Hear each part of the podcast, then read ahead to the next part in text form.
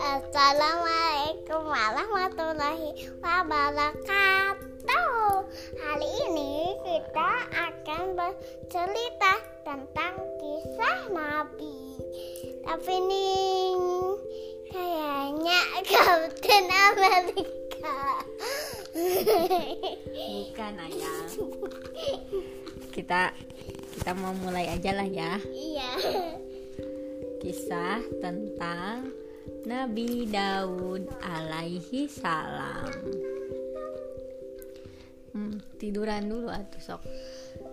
Sini deket mama. Sudah siap? Bismillahirrahmanirrahim. Kita mulai. Bukan. Iya. Iya. Ini? Kita mulai ya. Nabi Daud dan pasukan Raja Talut berperang Raja melawan pasukan Jalut. Mama ada di dong-dong. Iya. Saat itu Nabi Daud mengalahkan Jalut dengan ketapelnya. Apel itu hmm, gimana cara bikin ketapel? Ketapel itu dari ranting cara, dikasih karet. cara bikinnya gimana? Cari ranting yang berbentuk huruf Y. Terus dikasih karet. Nanti karetnya ditarik. Nah, di- ditarik di dalam karetnya itu Oh gini, disimpenin batu. gini ada gini terus dikasih karet terus di depannya ada ka- batu terus kayak gitu. dilempar gitu ya Kayak kayak iman yang itu. Eh, iya kayak mainan teteh Jalut pun tewas Tewas itu apa? tewas itu meninggal Kenapa meninggal? karena Memang dikalahkan oleh Nabi Daud memangnya Jalut itu terbuat dari apa? manusia sama itu pasukan Jalut itu musuhnya Raja Talut Raja Talut itu rajanya Nabi Daud Mama memangnya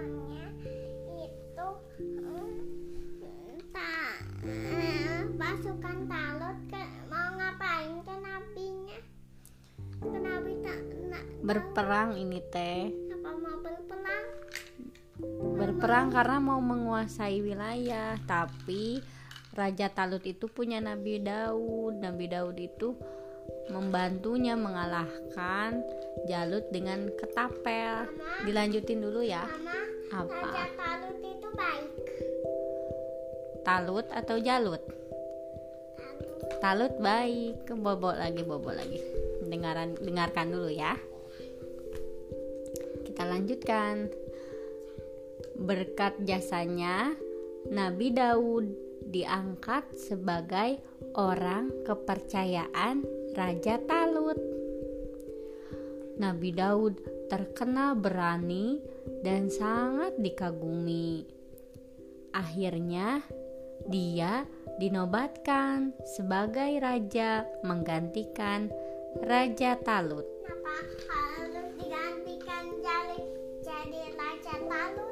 Karena waktu masa kan raja itu nggak seterusnya jadi raja, ada waktunya pensiun, ada waktunya tua dan digantikan sama yang lain. Oh, emangnya itu rajanya udah tua. Iya, nanti lama-lama tua. Nabi Daud akhirnya menggantikan menggantikan Raja Talut. Diangkat, Boleh dilanjutkan ya? boleh? Oke. Nabi Daud memerintah dengan adil dan bijaksana. Sebelum mengambil keputusan, Nabi Daud mempertimbangkannya dengan hati-hati. Suatu hari, Nabi Daud didatangi dua tamu yang berbeda pendapat. Pendapatnya apa?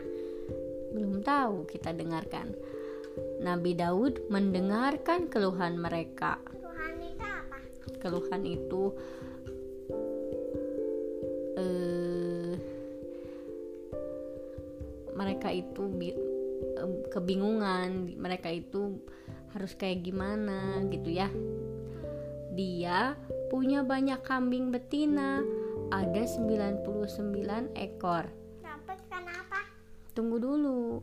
Sebentar, ini ada orang yang mengadu kepada Nabi Daud. Laporan Ia bilang, bilang ke Nabi Daud, "Gimana ini?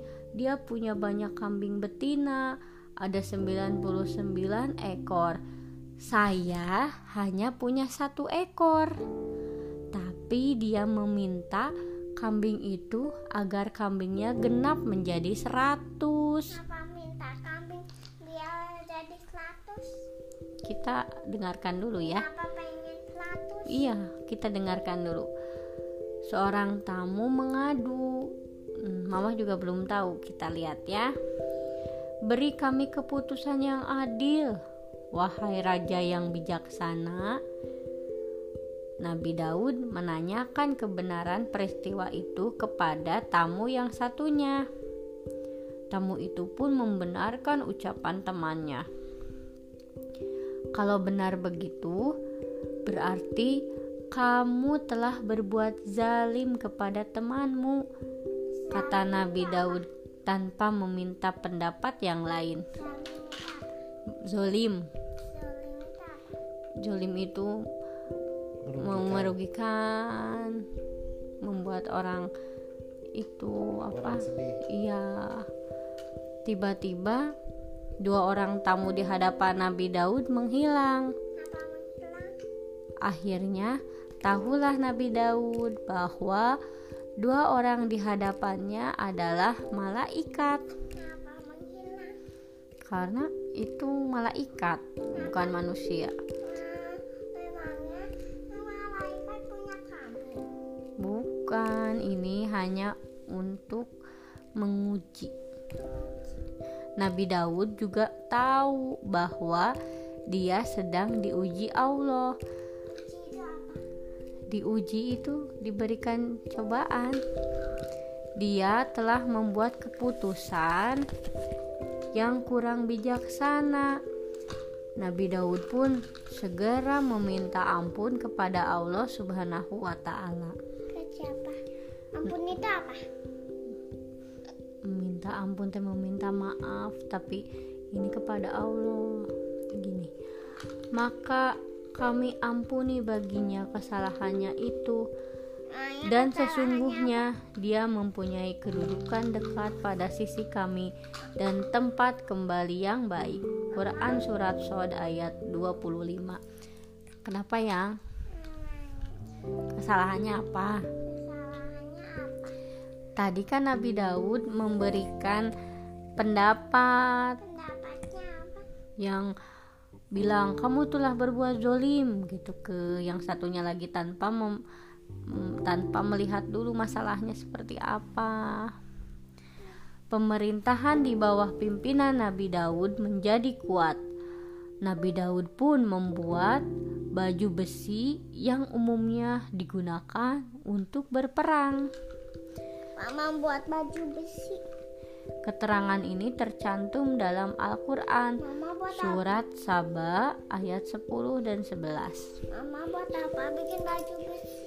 Baju besi untuk berperang Jadi nanti Ini besi. Iya ya ini terbuat dari besi bajunya Ini Jadi siapa? ini prajuritnya Selain menjadi raja Nabi Daud pun diangkat oleh Allah sebagai nabi Dia diberi mukjizat Salah satu mukjizatnya, Nabi Daud dapat memerintahkan gunung-gunung untuk bertasbih bersamanya setiap dia menghendaki. Bertasbih. Bertasbih itu menyebut nama Allah bersama-sama. Jadi gunung-gun- gunung-gunung itu ikut bertasbih teh. Memangnya gunungnya bisa bicara? Bisa kalau eh, di ini sama Nabi Daud karena kan Nabi Daud mukjizatnya dia diberikan kelebihan untuk memerintahkan gunung. Kenapa bisa kalau kalau di Nabi mah? Iya, karena nabi itu diberikan kelebihan oleh Allah, beda dengan manusia biasa. Kayak Nabi Musa. Nabi Musa bisa apa?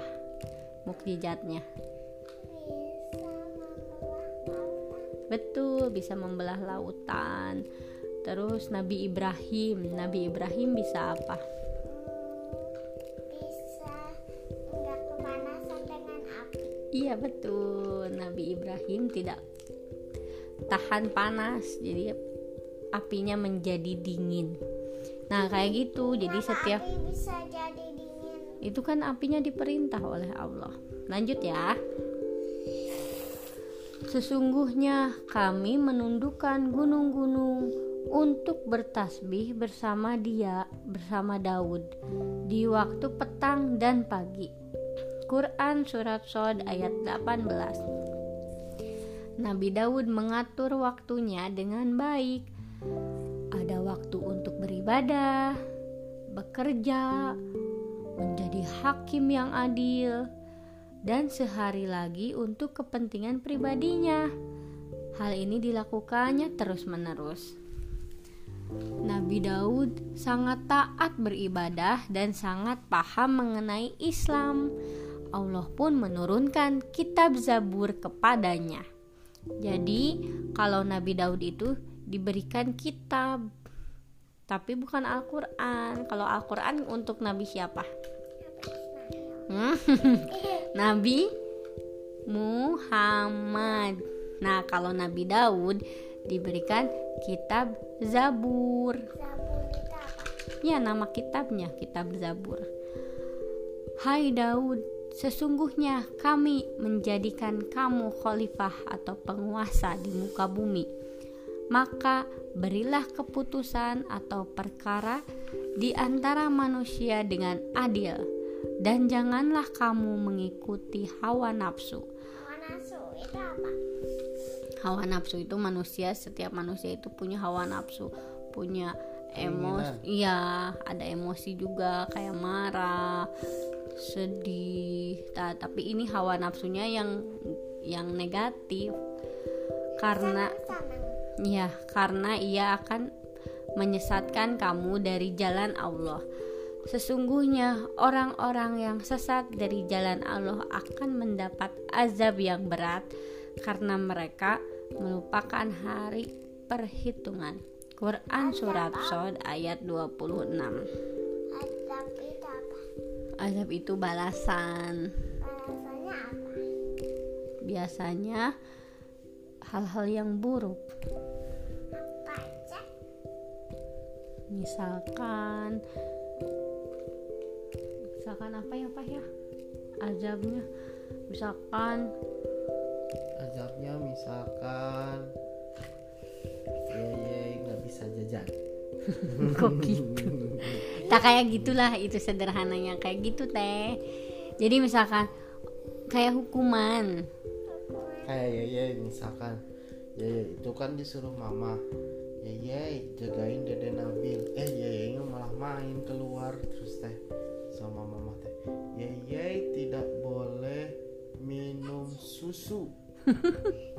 Nah, kayak gitu. Itu kan contohnya. Contohnya. tapi ini mah eh, beda lagi ini mah berkaitan dengan pokoknya azabnya serem. Kalau Iya. anak kecil mah melihatnya pasti sedih. Takut iya pasti nangis. Kayak inti teh kayak waktu Nabi Nuh.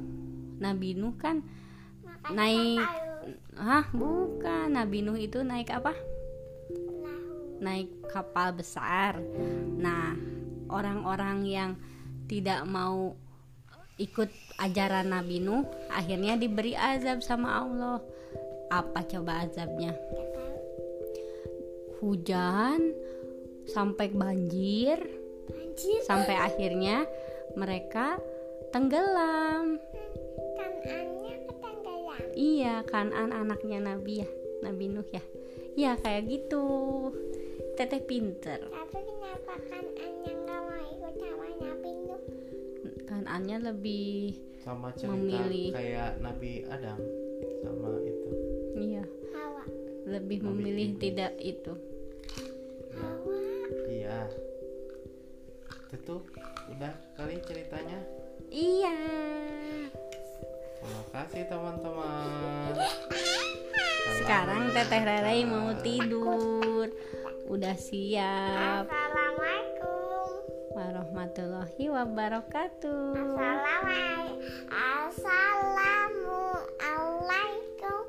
Waalaikumsalam. Semoga sejahtera atas kalunianya.